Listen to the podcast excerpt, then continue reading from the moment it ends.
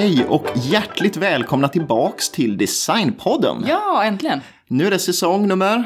Tre! Ja, redan... Oj, vad jag skrek. Ja. Men jag, det är för att jag är exalterad. Ja, men alltså vi har avklarat två säsonger och är redo att kasta oss in i en tredje säsong med Det massa det. kul ämnen. Eh, Det är mycket sådana man inte har hunnit beröra än som, eh, som är Ja, uppenbarligen finns ju hur många som helst. Så vi gör ju bara ett så litet urval. Mm, exakt, och jag känner så här att vi ska snart börja med det här avsnittet för jag är så taggad här att komma igång. det det? Men först ska vi tacka Marshall Hörlurar som vi presenterar det här avsnittet tillsammans med. Mm, jätteroligt ju. Marshall, det är ju, de har ju både sådana såna här små hörlurar man stoppar in i örat och sen så såna här klassiska som vi sitter med, såna här lurar som sitter över öronen. Exakt va. Och det vi tycker om med Marshall är att de kombinerar det här, det är så snygg retrodesign Ja men det på är dem. det. Det, är ju det. Det, är, det, är liksom, det ser ju klassiskt ut men ändå liksom high tech. Precis, det samtidigt. perfekt kombination. Det är exakt vad vi gillar. de vi sitter med heter Marshall Monitor. Yes. Funkar jättebra tycker vi och de tipsar vi gärna om. Så vi tackar Marshall Mm. Det gör vi jättemycket. absolut. Och med det sagt så kastar vi oss in i veckans avsnitt. Som då är Grythyttan. Ja, Grythyttans stålmöbler. Yes. Det blir lite spännande att börja med trädgårdsmöbler så här innan sommar, eller våren ens har eh, börjat att eh, Och komma. Småland. Ja, exakt. Igen. Ja. Ja, nej men vi som pratar heter som vanligt Sanna och Andreas och ni lyssnar ju på Designpodden.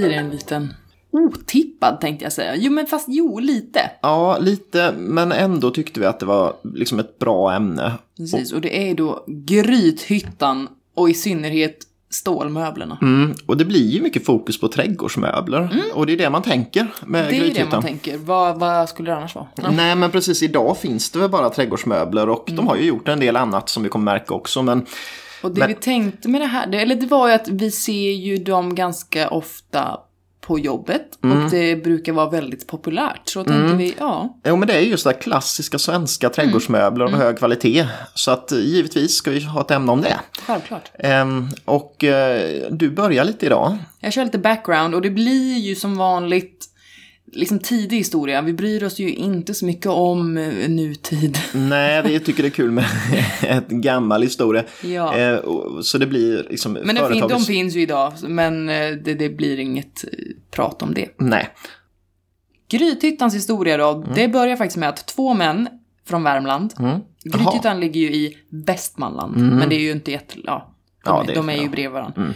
Men i alla fall, de kommer till Grythyttehed, som den byn hette då, Jaha. en vårdag 1895. Mm. De här männen då, det var Carl Lindqvist och Theodor Berg. Mm. Och de hade en vision om att öppna en smidesverkstad Ja. här. Och varför de valde just där, det beror ju då på den goda tillgången till vattenkraft. Och det är ju inte första gången vi har sagt det. Nej, det är just uh, energiförsörjning Mm. så att det är liksom... Och det fanns tydligen en del lediga lokaler där också. Mm. Så med ett kapital på ett par hundra så rustade de upp den här eh, nya smedjan som de har köpt. Ja. Och torsdag den 15 augusti samma år så annonserar de för första gången i tidningen att de har öppnat. Ja, Så vem var den här Carl Lindqvist då? Ja, just det, Först och Lindqvist, främst, ja, ja redan kan vi ju då. säga att vi har använt en bok som då är producerad av Grythyttan. Mm. Och den heter väl Grythyttans stålmöbler va? Det är precis vad den heter. Historien om ett svenskt mö... Nej. Historien om en svensk möbelklassiker. Mm. Författaren är då en Thomas Sandehorn. Ja just det, men den är utgiven av företaget Ja. Grythyttan. Ja. Precis, och det är ett väldigt fokus på den här Carl Lindqvist. Jag sa att det var två män, men den andra, han, den bryr man sig inte om riktigt. Nej, medan Lindqvist som efternamn följer ju med ända fram till Ja. idag liksom i Grythyttan. Så att det är ju Precis, så intressant. vi fokar på honom. Ja, Han föddes då den 16 juli 1866 Mm. i Norra Råda församling i Värmland. Mhm. Hans föräldrar var Hammarsmedsmästaren Per jag har smedmästare Mm. han också så att det liksom eh, var med. yes, yes, och hans mamma Maria. Mm. Han hade 13 syskon. Oh. Ja, det är inte så vanligt idag. Nej, alltså jeez, Familjen annorlunda. Där. säg inte det. Och han var då nummer 11 i ordningen. Och de bodde och delade på två rum och kök allihopa. Och ja, de var ju väldigt olika åldrar. Så att alla sov och åt och arbetade under olika tider. Så Ja. det var liksom ett alltid, ett alltid ett spring. Morsan typ behövde laga mat eh, hela tiden. ja, för att, det var alltid eh, någon vissa som jobbade natt och andra jobbade... Mm. Så det är kul. När han var 12 började han arbeta som stämbordspojke, som det hette, Jaha. i en smedja. Stämbordspojkar. Ja, men det kommer vi till vad det är. Mm.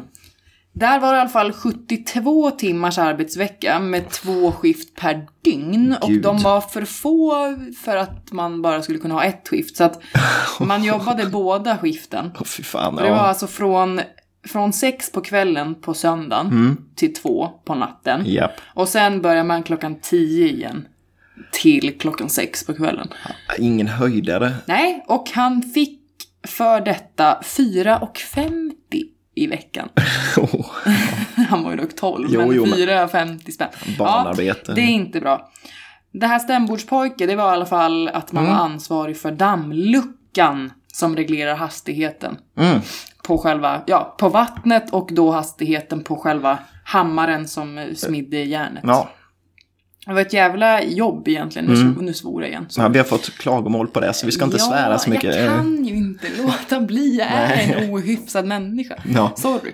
Nej, men jag ska skärpa mig. Mm. Det var ett himla oväsen. Det kan man ju tänka sig. Ja, i- med den här hammaren på ja, järnet. Och, Det, och så stod han ju i vattendrag eh, och det, ja, det var ingen härlig liksom, man situation. längtade inte till arbetsdagens början. eh, Nej, och så kan man ju tänka hur det var på vintern när det var väldigt kallt att stå där Ja, i. fy. Och var lite småfuktig jämt och så. Ja, Tydligen så fick han eh, permanenta hörselskador bland annat av att jobba där. Så Nej. ja, det var ingen jättehöjdare. misär. Mm, lite grann. Sen efter det så arbetar Karl på ett antal olika smedjor. Mm. Han höll sig liksom alltid till det. Det yrket så. Han kom att bli mästare på att smida hästskor bland Mm. annat. Och sen 1894 då flyttade han till Asphyddan och där träffar han då den här andra mannen som Mm. heter Theodor Berg. Ja, Och det enda som i princip står om den här Theodor, det var att han var mekaniker och att han var väldigt uppfinningsrik och att han hade varit i USA två gånger. aha. Det är typ det. Ja, det, är- men det är ju ganska Mm. anmärkningsvärt i och för sig på den tiden. Jo, jo men det är det ju ändå. De kommer att kalla det här företaget då för Lindqvist smidesfabrik. Och under de första åren så ägnar de sig åt hästskor nästan bara. Ja, det är klart det är viktigt då. Ja. Men sen tillkom yxor, järnsängar och lite olika handredskap. Mm. Året efter de startade upp i Grythyttan så gifte sig Karl med en Maria Stake. Det är ett bra namn. Hon kom också från Värmland och hennes far var också smed. Mm. Det var tydligen ganska vanligt, Ganska vanligt i då, de här ja. kretsarna. Ja. 1897 så fick de en son. ja, Arthur, eller Arthur, beroende på hur man vill säga det. precis. Jag vet Jag inte. gillar inte Arthur. Jag gillar Arthur. Ja, vi säger Arthur. Och han kommer att bli den som gör möbler av järnet sen. Men det Precis. kommer du till. Ja. Och lite jag med. Han fick i alla fall två bröder. Mm. Arthur alltså. Birger och Rune. Och alla de här kommer att vara delta i företaget. Ja, det blir verkligen Ja. familjegrej det Yes. Och efter en tid så går ju försäljningen ganska bra och Mm. eh, Karl kan liksom, nej, men han kan satsa på lite olika grejer. Mm. Och han vill då satsa på yxtillverkning. Jaha. Men eh, verkstaden var inte riktigt eh, bra. Nej, det. den var- den var lite fallfärdig och vattnet hade inte tillräckligt med kraft och så vidare. Nej. Ehm, och han hade inte råd med en vattenturbin. Nej. Så han köpte en fotogenmotor från Amerika. Ja, istället för att ha vattenkraften där. Ja.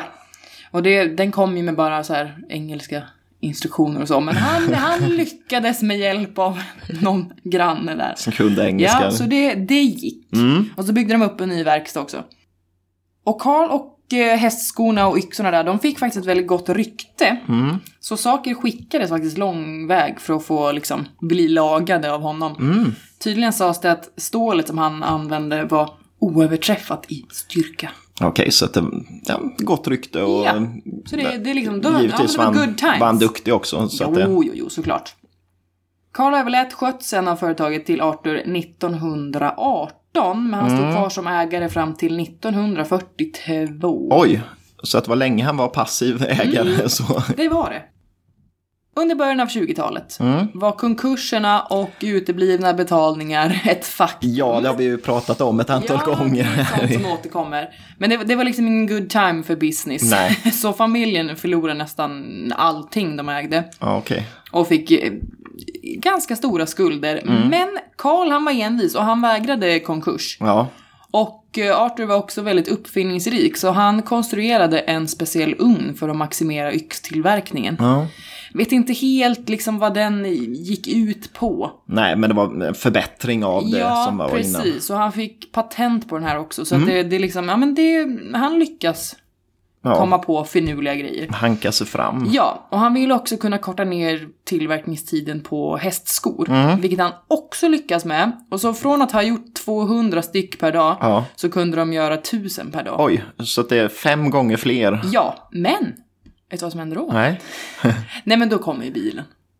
Ja, och då är hästarna inte så jätteintressanta längre. Nej, alltså efterfrågan på hästskor den, den blir nästan obefintlig. Mm, det Just där omställningen från häst till bil har vi pratat om Mm. också med det här att många sadelmakare blev möbeltillverkare på grund av att det var ingen som behövde liksom betslen och häst. Och... Som O.H. Sjögren. Oh, Sjögren, ja. Ja.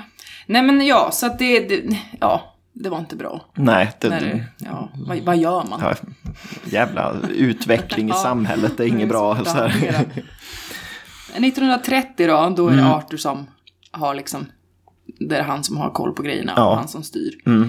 Då kom han i kontakt med en vän på en skifferverkstad i Grythyttan också. Mm. Just det. Och han behövde Arthurs hjälp med att göra underreden till bord som han skulle eh, leverera Ja, okej, till en. Mm. restaurang i Båsta. Så då kommer det här möbel...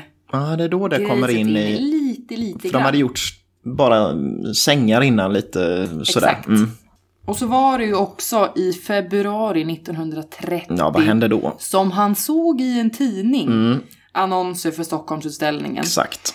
Och i synnerhet så fokuserar han på en tysk funkisstol som han såg. Mm. Men han tyckte liksom inte att stålrör var det rätta materialet för en Nej. stol på två ben. Utan då tänkte han att den ska vara fjäderstål. Just det. Och det är ju som platta stålbitar istället för det här runda. Precis, och det kommer du ju in Jag kommer in lite mer på det när det gäller mm, Arthurs stolar där. Precis, och det var, det var ju så. Mm. Idéerna började på i Arthur liksom. Nu måste man gå vidare, hästskor behövs inte. Vad gör vi nu liksom? Möbler. Ja. Och det ska du få prata om. Mm. För att det här är all historia ni får.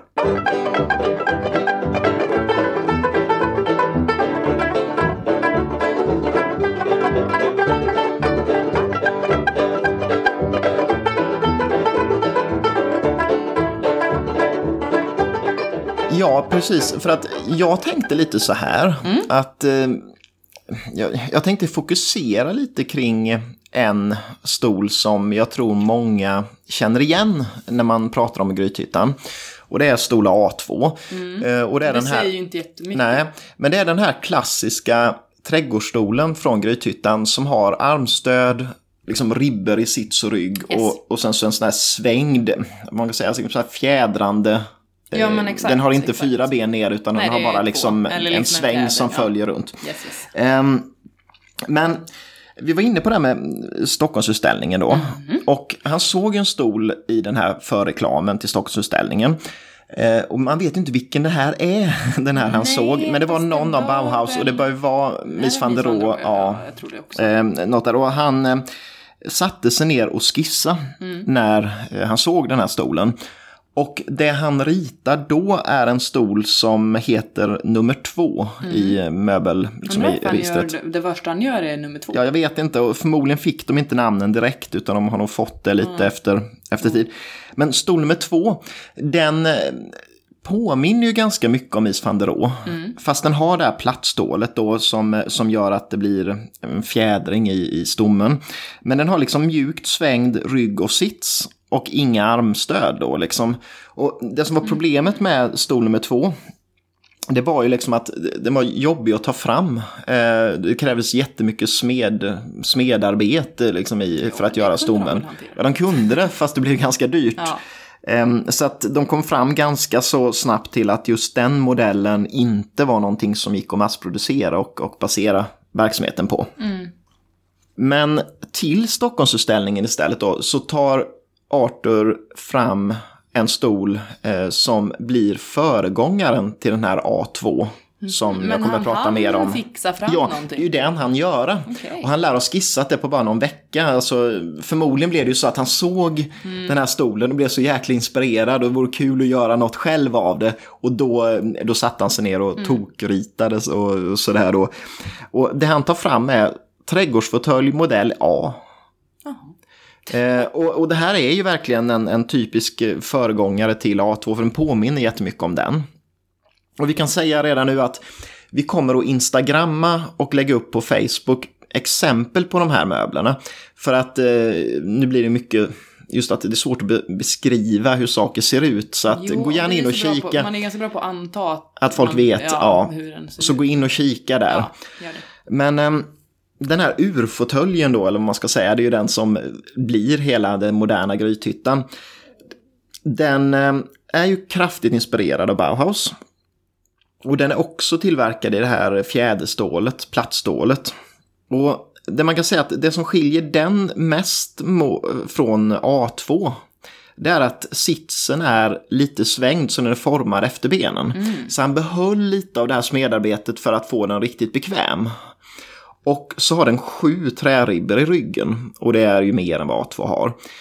Eh, och den visades på Stockholmsutställningen och får bra, alltså jättebra respons där. Problemet är väl lite att fortfarande så har inte liksom, produktionen anpassats efter efterfrågan Nej. så att den, blir- ja, den blir ju dyr.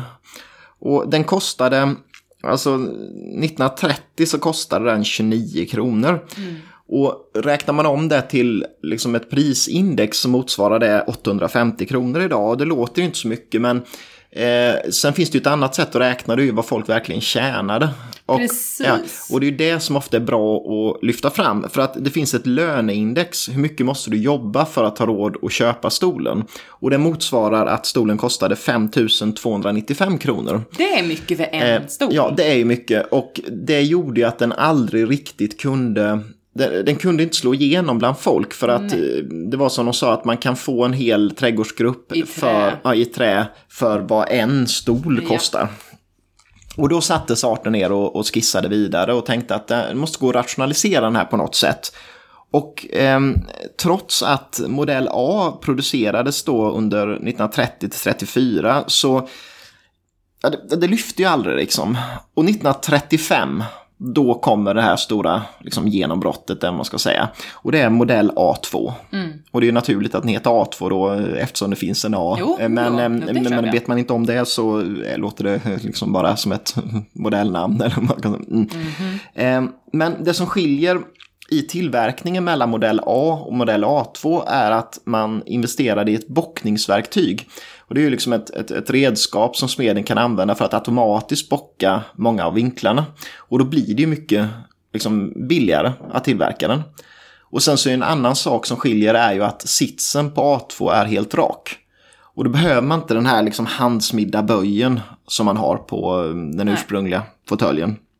Men eh, det jag tänkte nu, för nu, nu kommer jag prata rätt mycket om, om eh, olika A2 genom åren. För den har ju producerats från 1935 fram till idag. Ehm, och många har ju säkert en sån här fåtölj eller har sett någon. Och det finns ganska tydliga sätt att åldersbestämma den fåtöljen man har. Eh, Så jag kommer att eh, liksom dra igenom A2s historia. Och det kommer också att instagrammas så att det är lite lättare att följa med. Ehm, Men om man säger så att den här första fåtölj A2, den var ju tillverkad i plattjärn. Men sen fanns det ett problem, man hade ingen svets på företaget. Så man var tvungen att nita alla, kop- alla liksom, eh, kopplingar. Så att man kan se om det är riktigt tidig då från eh, eh, den här perioden, då är den nitad och inte svetsad. Ehm, Eh, bredden på sitsen på de här tidiga fåtöljerna var 50 cm också, så den är ganska bred. Eh, och ryggen hade, ja den, de tidiga hade fortfarande sju ribbor i ryggen. Eh, så att det är en ganska så här kraftig och Ja, fet, Mm, fet stol liksom. Får man plats. Eh, Men eh, redan ett år efter då, 1936, då görs den första förändringen. Och det är att man minskar till sex ribbor i ryggen. Och det är väl liksom också en sån här rationalisering. Varför ska man ha sju ribbor när man kan ha sex ribbor? För då, då blir det lite mindre moment, färre skruvar att dra in liksom. Så egentligen kan man dra slutsatsen att har man en stol med sju ribbor i ryggen, då har man en riktig klenod. För då är det en av de här första som tillverkades. En sak som också visar att man har en tidig fåtölj det är eh, armstöden. För att eh, 1939 kommer en förändring som, eh, som sen kommer hänga med genom ända fram till idag. Eh, för på de tidiga, då var den här liksom metall... Eller den här biten som går upp till armstödet, den var svängd. Mm -hmm. Så att den liksom gick, eh, ja den, den svänger ett halvvarv på vägen okay. upp. Men 1939 då ändrar Arthur det så att han ritar om den och då blir det ett, ett rakt eh, stag upp till, till armstödet istället. Och eh, det, det, är ju liksom en sån här designförändring som, eh, som också är en sån här tydlig sak som man kan se. Och det, det kommer vi visa en bild på för att då, då ser man det där ganska tydligt. Och det är också ett sätt att se om man har en från liksom, 30-talet eller någon som är senare. Mm. Um, och då 1939 ja, problemet under den här perioden är också att, att eh, ekonomin går ju inte så jättebra generellt sett ändå. Varför är det? Liksom. Jo men det är ju liksom kriget är på gång och så. Mm. Andra världskriget och det är liksom, ja det är en rätt tuff period. Och en sak jag såg där som var lite rolig att nämna, mm. det är ju att eh, 1939 då kostar en eh, fåtölj A2 30 kronor. Så det är ungefär samma som en tio år innan en, mm. en sån här modell A kostade. Men vinsten för Grythyttan var bara 65 öre eh, per stol. Och under andra världskriget då infördes ett prisstopp på varor. Man fick inte höja priset och förmodligen hängde det ihop med att inte den här bristen, varubristen skulle göra att priserna sköt i höjden. Mm. Men problemet var att efter ett tag så gick man med förlust på varje fåtölj man sålde. Liksom så att ju fler man sålde ju mer förlust gjorde man. Så att det är ju helt bisarrt under den här perioden. Så man förstår att det var tuffa tider liksom. Men 1946 då är ju andra världskriget slut. Och eh, då görs också, ja, fira det med att göra designförändringar på fåtölj A2 igen då. Så att man ändrar ribborna till 5. Och dessutom så börjar man svetsa, man har investerat i en svets. Så är fåtöljen tillverkad eh, efter 1946, då är det svetsade fogar på den. Och fem ribbor. Ja, och fem ribbor. Men sen en av de största förändringarna som görs genom liksom, genom tiden, det är ju 1954. För då börjar man göra dem staplingsbara. Ah. Eh, så att, och det, det kan man se på att, ja de andra går ju inte att stapla, men man får göra en, liksom en mer, liksom en knyck nere vid eh, benen. Så att de liksom går in i varandra. Mm.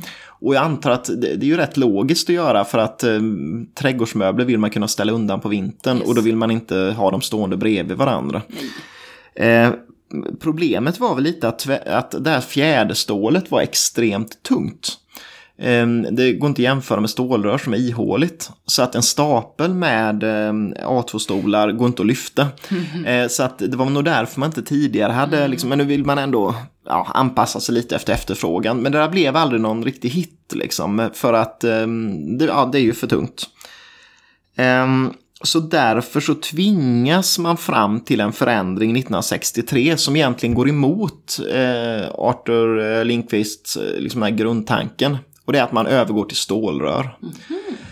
Så att stolar tillverkade före 63, plattstål, efter 63, då är det stålrör i dem oh, istället. Och den stora skillnaden är förstås att de blir mycket lättare. Eh, och då kan man ha en stapel med stolar eh, som ändå går att flytta på liksom. Och en förändring man gör 63 också, det är att passa på att minska bredden lite på dem så de blir 45 cm istället. Så förmodligen har folk klagat på att de, de är för tunga de här jäkla mm. stolarna, det går inte och då, då får man ändra det. Och det, det vanligaste och det är det man ser också idag tycker jag på gamla stolar det är att de är vitlackerat stål och sen så tryckimpregnerade ribbor så att de är lite tråkig färg på träet. Det blir mm. så grå, ja, dassigt så. Dystert. Och sen den här stolen som kommer 1963, den här A2-varianten eh, då, det är egentligen den man ser än idag. Så att från 63 görs inga större förändringar. Eh, dock finns det några sådana här liksom, försök man skulle göra. Det var 1987 så tog man fram en A2 Bianca som var i plast istället för trä. Aha. Ehm, och i den här boken som ju då är utgiven av uh, Grythyttan själv så skriver man att, att plasten var av mycket usel kvalitet som gick sönder efter kort tid. Så att eh, förmodligen var ju de, ja det var, var ingen idé att köra Nej. på det där. En, man hade den i produktion 1987 till 92 men förmodligen inga sådana stolar kvar för de är nog trasiga idag Ja, allihopa. Eh, det görs ett till sånt där försök som heter eh, 1992 då när den här i plast togs ur produktion. Då körde man något som hette A2 Sonwood som var, då var det istället en blandning av träspån och plastmassa så att det liksom blev plastliknande material. Men förmodligen blev ju inte det heller någon hit. Sen kan man nämna eh, en stol som heter B2 också tycker jag. Lite hastigt bara, men det är att det finns faktiskt en liten variant av A2. Och den, den ser ut exakt som A2 men har eh, färre än bara fyra ribbor i ryggen. Och den tog man fram, man tog fram på 50-talet för att man såg att, att eh, balkonger började bli vanligt.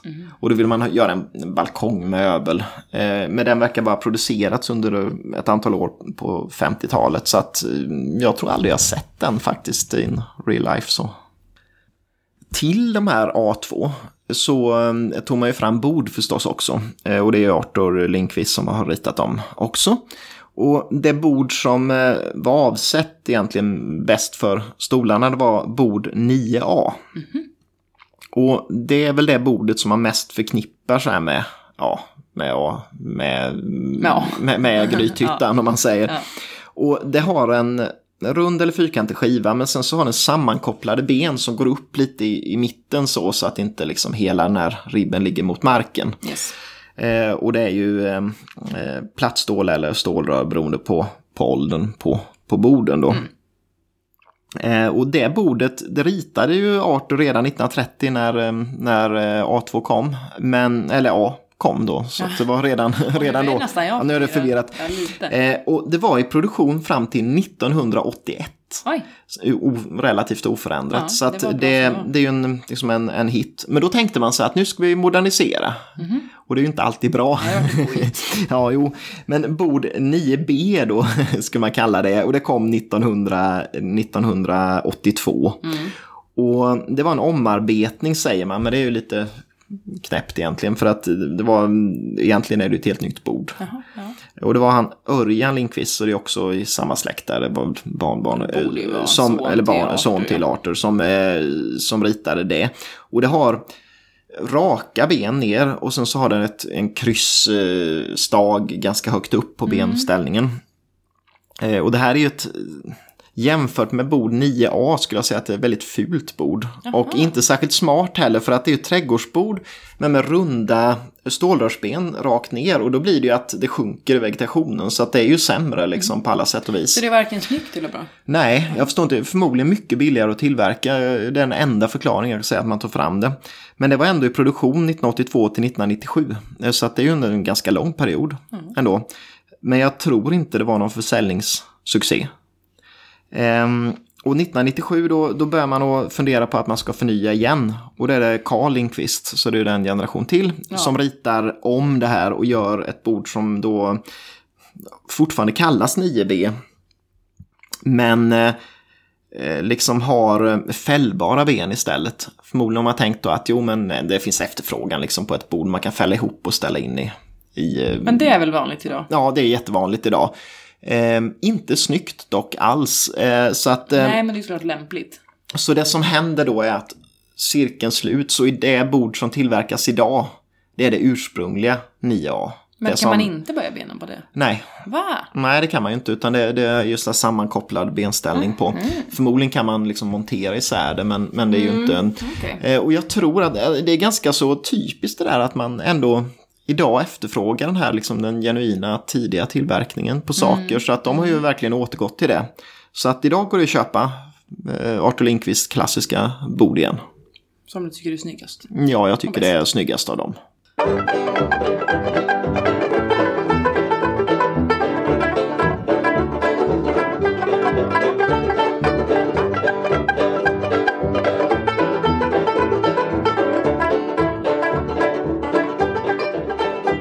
Men det sagt om eh, liksom den här A2 och det och, och borden till så måste ju nämnas något annat, lite andra stolar. Och det är också en stol av Arthur Lindqvist som jag tycker man vill nämna som är ritad på 30-talet. De vet inte exakt vilket år faktiskt men mm. det är stol nummer ett.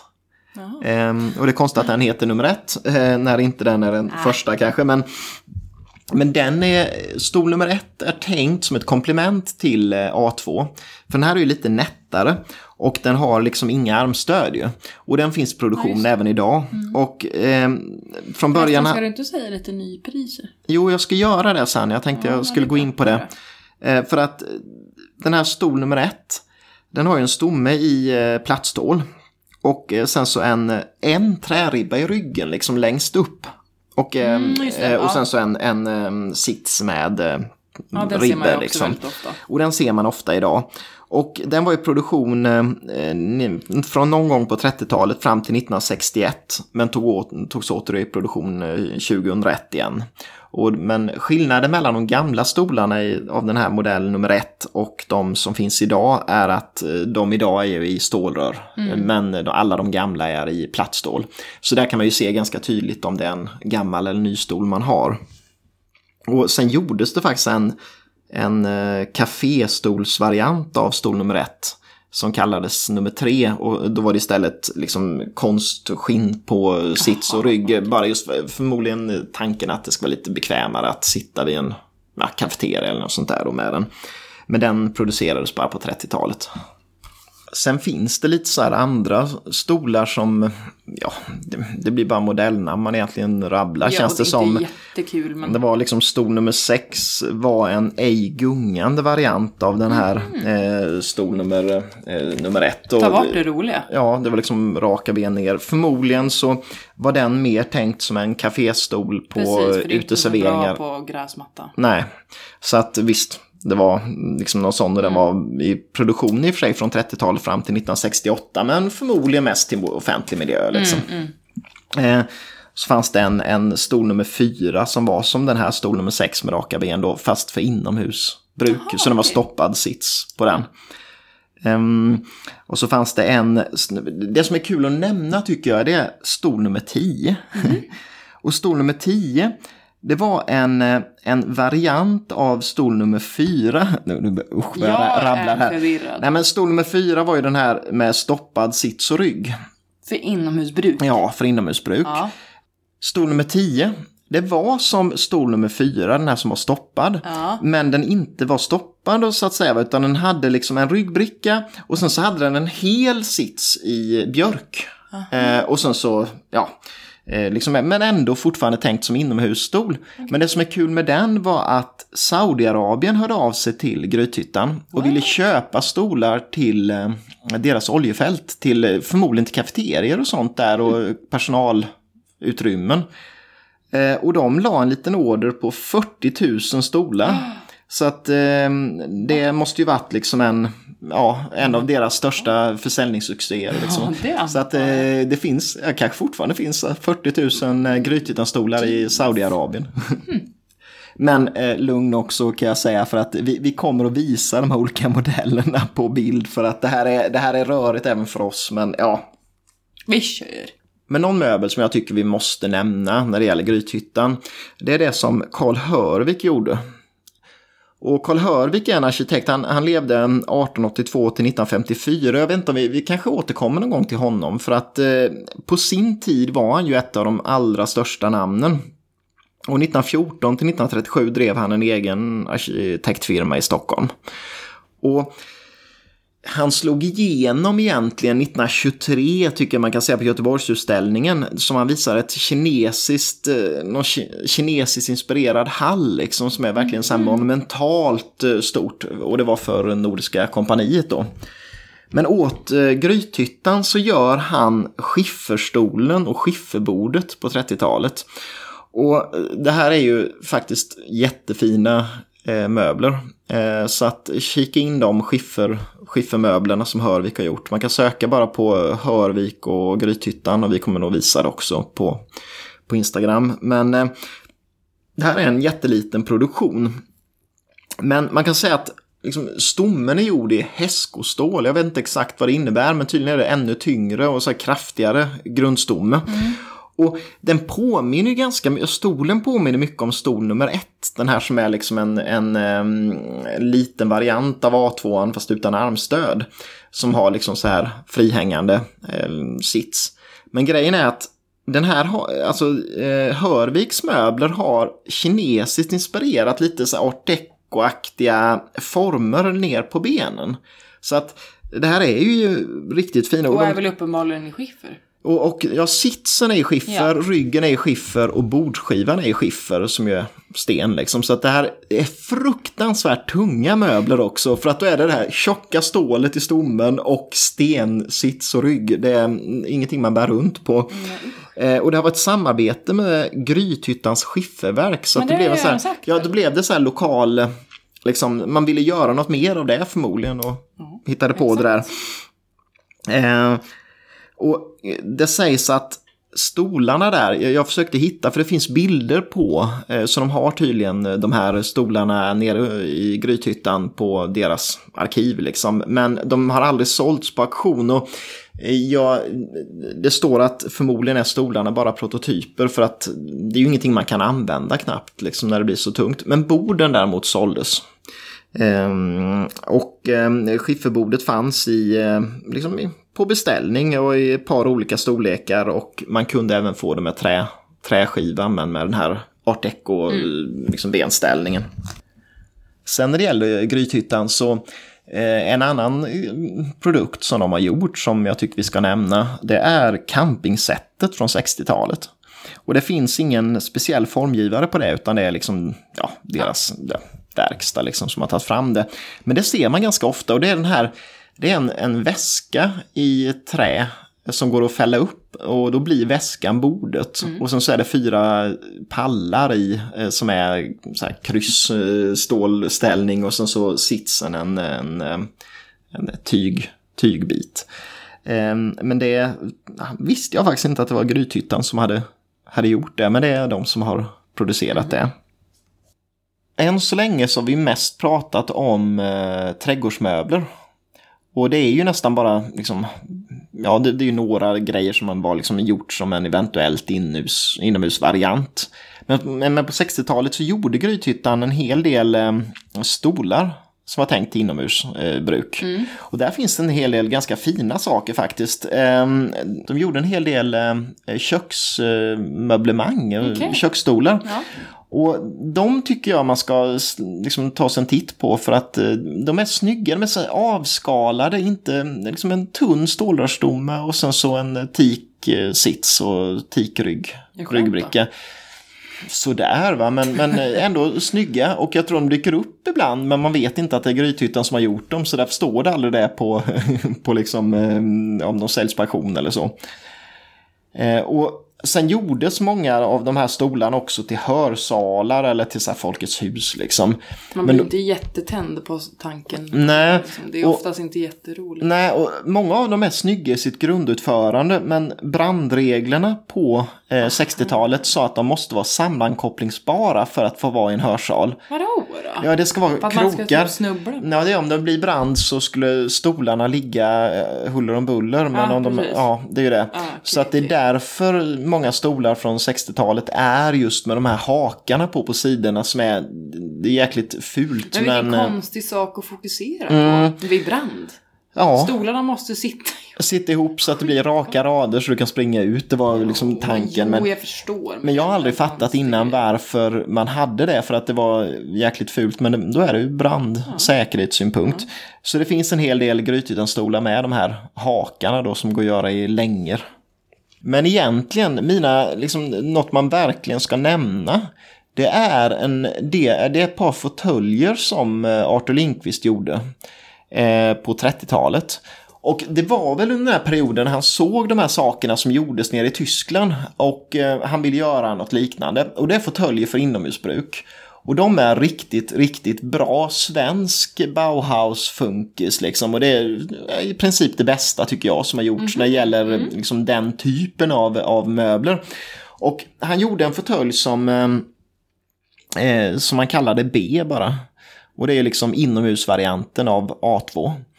Och den, eh, den var ju som A2 men med eh, stoppad sits och rygg och den blir himla snygg som en, liksom en, en så liten, liten mm. stol, mm. köksstol eller som en eh, sidofåtölj i vardagsrummet. Och sen gjorde han också fåtölj D och den är väl ännu mer just för inomhusbruk för den har så här spiralfjädrar i sits och rygg och den sits och rygg sitter ihop så den blir mer en riktig fåtölj. Men de är riktigt, riktigt snygga men jag tror heller aldrig jag sett, det gjorde säkert inte många av dem. Och den här modell Ö som man sen tog fram då, ja, det var liksom öronlappsvarianten av den. Och då har det verkligen blivit en fåtölj. Men de där grejerna, jag tycker att Arthur Lindqvist är underskattar på grund av just att man, man tänker bara på hans trädgårdsmöbler och trädgårdsmöbler får ett lite mindre, det blir inte, det är inte lika hög status Nej, liksom. Men han gjorde väldigt mycket bra saker liksom och, och de här funkisgrejerna är ju minst lika bra som de här andra svenska funkisformgivarna liksom, mm, gjorde under, mm. under den tiden. Sen kommer vi ju in då på lite nyare, nyare tid, in på 70-talet. Eh, och, ja, nyare tid. och vi har ju en formgivare som vi har pratat om tidigare och det är Nisse Strinning. Yeah. Eh, och Nisse är känd för en sak egentligen. Och det är att han, jo, ja, han ritade stringhyllan. Ja. Och det gjorde han 1949 liksom, så det är tidigt i karriären. Och så är det det han förknippades med under hela sin karriär. Hela sitt liv. Ja, hela, sitt, sitt liv. Eh, alltså, efterliv, ja, han kunde aldrig toppa stringhyllan. Nej. Och det gjorde väl honom skapligt bitter och eh, liksom sen han flydde ju Sverige och sånt där till och med. Eh, men eh, Strinning har faktiskt gjort en hel del saker för Grythyttan. Mm, tell me. Och det var eh, Örjan Lindqvist som drev Grythyttan. Han tog över Grythyttan någon gång 75 tror jag det var. Och då knöt han till sig Nisse.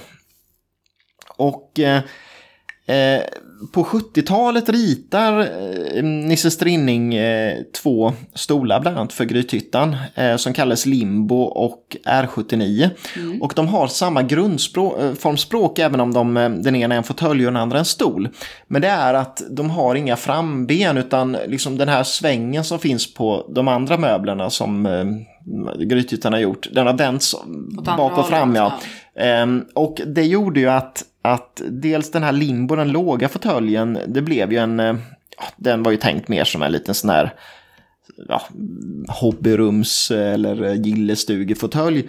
Medan hängstol, den här R79, den riktade sig helt till eh, matsalar och sånt. För då skulle man kunna, när man städade sen, så skulle man kunna, istället för att vända på stolen och lägga upp den på bordet, så kunde man bara hänga upp den på sitsen. Mm, mm. I och med att det inte fanns någon framben. Um, och de där, ja, de producerades till offentlig miljö. Man ser dem nästan aldrig idag liksom.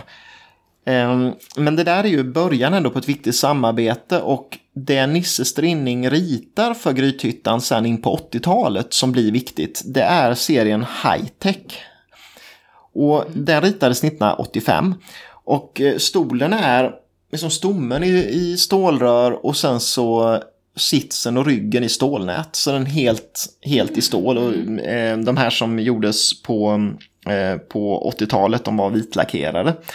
Men stolen high-tech är väl lite så här symptomatiskt för Nisse Strinning som formgivare på något sätt. För att den blir aldrig någon hit när den kommer. men vad elakt Sen dör Nisse Strinning 2006 och då tar man upp den i produktion igen och då blir den en jättesuccé. Så att idag så säljs det mycket av den här high-tech-stolen. Och jag tror många har sett den och um, man hajar till när man hör att den är Nisse Strinning. Ja. High-tech ja, men man hajar till när man ser att det är Nisse Strinning som har gjort den för att mm, jag tror inte någon känner till egentligen att han ritade grejer åt Grythyttan, men det gjorde han. Sen vill jag avsluta det här med möblerna på Grythyttan. Det finns ju många mer, men vi skippar dem. Som inte är trädgård? Eh, ja, det finns en del varianter. Men jag vill avsluta med en som är min favorit. Tell me. Ja, och det är Industripall V1. Det låter ju inte jättekul. Nej, men den är himla snygg och det är Arthur Lindqvist då som har ritat den. Han ritade den på 50-talet.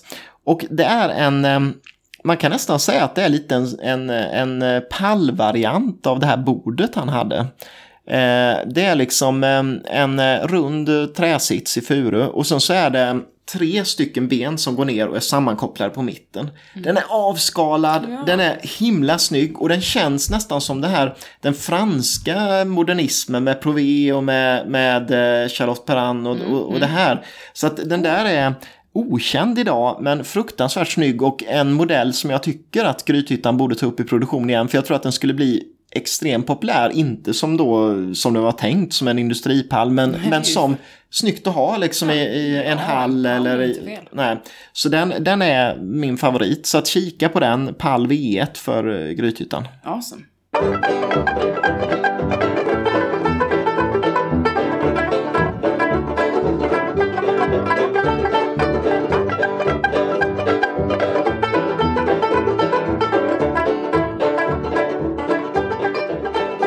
Kom vi in på den här delen. Priser. Ja, priser. Vi, vi, vi tycker det är ändå liksom eh, både intressant och, och relevant att, att ta upp Jo, det eh, klart det priser. Och det finns ju en hel del eh, av Grythyttans grejer som eh, produceras idag. Yes. Eh, och vi ska väl ta helt enkelt fåtölj A2 först, för det är ju den som är mest, eh, liksom, mest eh, relevant. Och det billigaste utförandet som finns, det är ju i, med fururibbor. Mm. Och då kostar den eh, eh, 2150 kronor. Mm. Inte sådär fasligt mycket och mindre än vad det kostade då när den kom Fast då va? det är ju inte lite. Nej, det är ju inte lite för en trädgårdsstol, är det inte. Men då ska man komma ihåg också då att det här furu är inte något bra träslag att ha utomhus kanske Nej, riktigt. nej, nej, Eh, och därför vill man gärna ha den i något annat och då finns den i ek. Eh, och då tillkommer det genast så att då kostar den eh, 3000 i, eh, i ek då. Då tycker jag det börjar bli mycket. Mm, och så finns den även i teak idag. Eh, och eh, teakutförandet kostar 3950 så att då blir det ju Det ganska är mycket pengar. mycket pengar. Ja, Man köper ju inte en. Nej, man vill ju ha fyra plus ett bord Minst. kanske. Och ska man ha då det tillhörande bordet, Ja, det eh, och det vill man kanske ha, och det är det ju då bord eh, 9A, som det heter igen då, alltså eh, hans Arturs gamla klassiska bord. Då finns det ju jättemånga olika varianter, men i furu, eh, i ett grundutförande som är 120 cm i diameter, så kostar det 5890 kronor. Men jeez, då är vi ju genast uppe i enorma summor. Mm. Ja, grupp. Och framförallt om du vill ha det då i teak, för då kostar det 9900, så 10 000 kostar det i, i teak. För lite stål. Så att du är uppe i 20 papp för en, för en grupp på fyra stolar och eh, bord i teak. Nej, det är mastigt. Mm, det är Då rätt ska mastigt. ni handla på auktion istället. Ja. Men det ska ni alltid ändå. Ja. Ehm, om man ska nämna någon mer grej som finns i ny, nyproduktion, det är ju den här stol 1. Eh, Den finns ju fortfarande. Och det är också en lite nättare, smidigare liksom, variant. Och den är inte, den kostar 1700 ungefär i, eh, i grundutförandet i eh, furu. Men också där då, vill man ha den i teak, ja då tillkommer det pengar direkt. Och då, då ligger den på 2,9 så 3000. Men är teak också bäst för Ja, att vara utomhus? Jag skulle säga det. Teak är det, bästa. det är hårt och det är mm, liksom beständigt mot, eh, mot eh, fukt på ett annat sätt. Så att det är ju en ganska... Det är ju inte bra att köpa utomhusmöbler i furu. Nej, Faktiskt. nej, nej. Ehm, det är det ju inte även om det är billigast så. Ehm, Och det finns bara fur ute i skogen. ja, Men ändå ska det inte vara ute. nej. Det, det är ju Doesn't- dött. doesn't Det har ju dött va. Det, men det är ju de, de möblerna egentligen jag tycker är mest relevanta att ta upp som nypris, nypriserna på. Jo, jo, men precis. För det är ju nästan... Det är ju det man ser Ja, det är det man ser. Mm. idag. Och på auktion är det som sagt ganska vanligt också. I synnerhet vår och sommartid. Då Mm. tycker jag att det är jävlar vad det vad man ser. Ja, ja, alltså det finns mängder.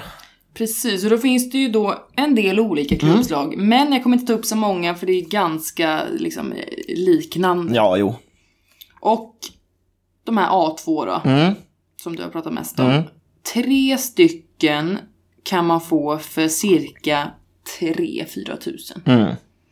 Och då skrev jag tyvärr inte upp vad det var för trä. Det som är saken där, tror jag, är att priserna påverkas inte så mycket av vad det är för trä. nej. Och därför ska man kolla när man köper eh, trädgårdsmöbler överhuvudtaget på auktion att, att se till att det inte är furu, Mm. utan köp ek funkar ju och teak är det bästa. Ja. Och eh, man får det för samma peng så att dubbelkolla och står det inte så ring fan in till auktionshusen Ja, tycker och jag fråga vad det är för träslag Ja. för att det är värt det. Sen en grupp med sex sådana här A2 och bordet Mm, 8 och 2. mm, jätteprisvärt. Japp, och då var det ändå mer än vad utropspriset Mm. var. Det här är ju då också, ska jag säga, liksom nya. Mm, Bara direkt som säljs på auktion. Ja. Det är ju inte begagnade, men om, man, om det verkligen är begagnade lite äldre mm, så kan man få fyra stycken A2 för 5400 mm. vid ett tillfälle. Ja. Och det är ju uppenbarligen Ja, det är ju jävligt värt. det är ju jättevärt och det man ska komma ihåg är att eh, Dels Grythyttan säljer faktiskt som reservdelar, eh, som standard, liksom Mm. ribborna till stolarna. Eh, och Precis, om man, inte är, om man inte är jätteohändig så kan man såga till sånt där också. Så man kan gå och köpa ett vettigt ja, ekträ till exempel på byggvaruhuset och, och såga till. Eh, och då kan du ju få en stol jättebilligt. Så att avskräcks inte egentligen av att köpa mm, stolar eller bord som har lite dåligt trä. För att det går ju att fixa billigt. Ja, ni är händiga. ja Det fixar man. Jajamän. Och det var vad vi hade idag. Eh, Så att vi mjukstartar lite här med Grythyttan. Varför var det mjukt? Nej men vi... Det var ju stenhårt. ja det är bara för att... Ja Massa men det, ja det är sant. Men det är för att jag vet vad vi har. Ja, du tänker så. Vad vi har på gång. Vi har... Nej. Nej men jag Nej, säger nej, ingenting. för- Men vi har riktigt intressanta intervjuer med folk. Mm. Vi har intressanta ämnen på gång. Det har vi. Eh, Så att eh, Ja, det blir bra det här. det blir riktigt bra. Fortsätt lyssna. Eh, Men om man vill oss någonting då, till exempel tips om ämnen, ha synpunkter om att vi svär Vad för mycket vill. till exempel. Ja, Så- bland annat. Ja, bland annat. Så eh, vad gör man då? Hur hör man av sig? man. Till? Designpodden gmail.com och när jag säger att då menar jag snabel. Ja. Jag är så Om man är så äldre. Precis, precis. Och, och då använder man dator när man mejlar va? Nej, inte så man använder mobilen. Ja. ja, det är sant. Eh, men eh, sen så tycker jag att man ska följa oss på Instagram. Ja, klart vi tycker. För att det som är bra där är att. Jo, men vi lägger ut bilder och bland annat i det här avsnittet är det ju bra för att till exempel få den här genomgången av eh, stolen A2 genom historien Ja, och så man blir vidare. inte lika förvirrad om man Nej. har, liksom ser. Precis. Eh, Det går att följa oss på eh, Facebook också, även att vi motvilligt eh, bara finns där för Det är att... lite ute ju. Ja. Vem orkar med Facebook nu? Men vi finns där. Ja, man ska finnas. Ja. och sen tycker jag också att vi ska nämna att man ska prenumerera på podden. Och det gör man där man lyssnar på poddar helt enkelt. Där man väljer att prenumerera för att då blir man ju påmind när nästa avsnitt kommer. Men varje torsdag under våren nu så kommer det komma ett nytt avsnitt av Designpodden. Och än ja, fram till nästa vecka så säger vi ha det så riktigt bra så hörs vi då.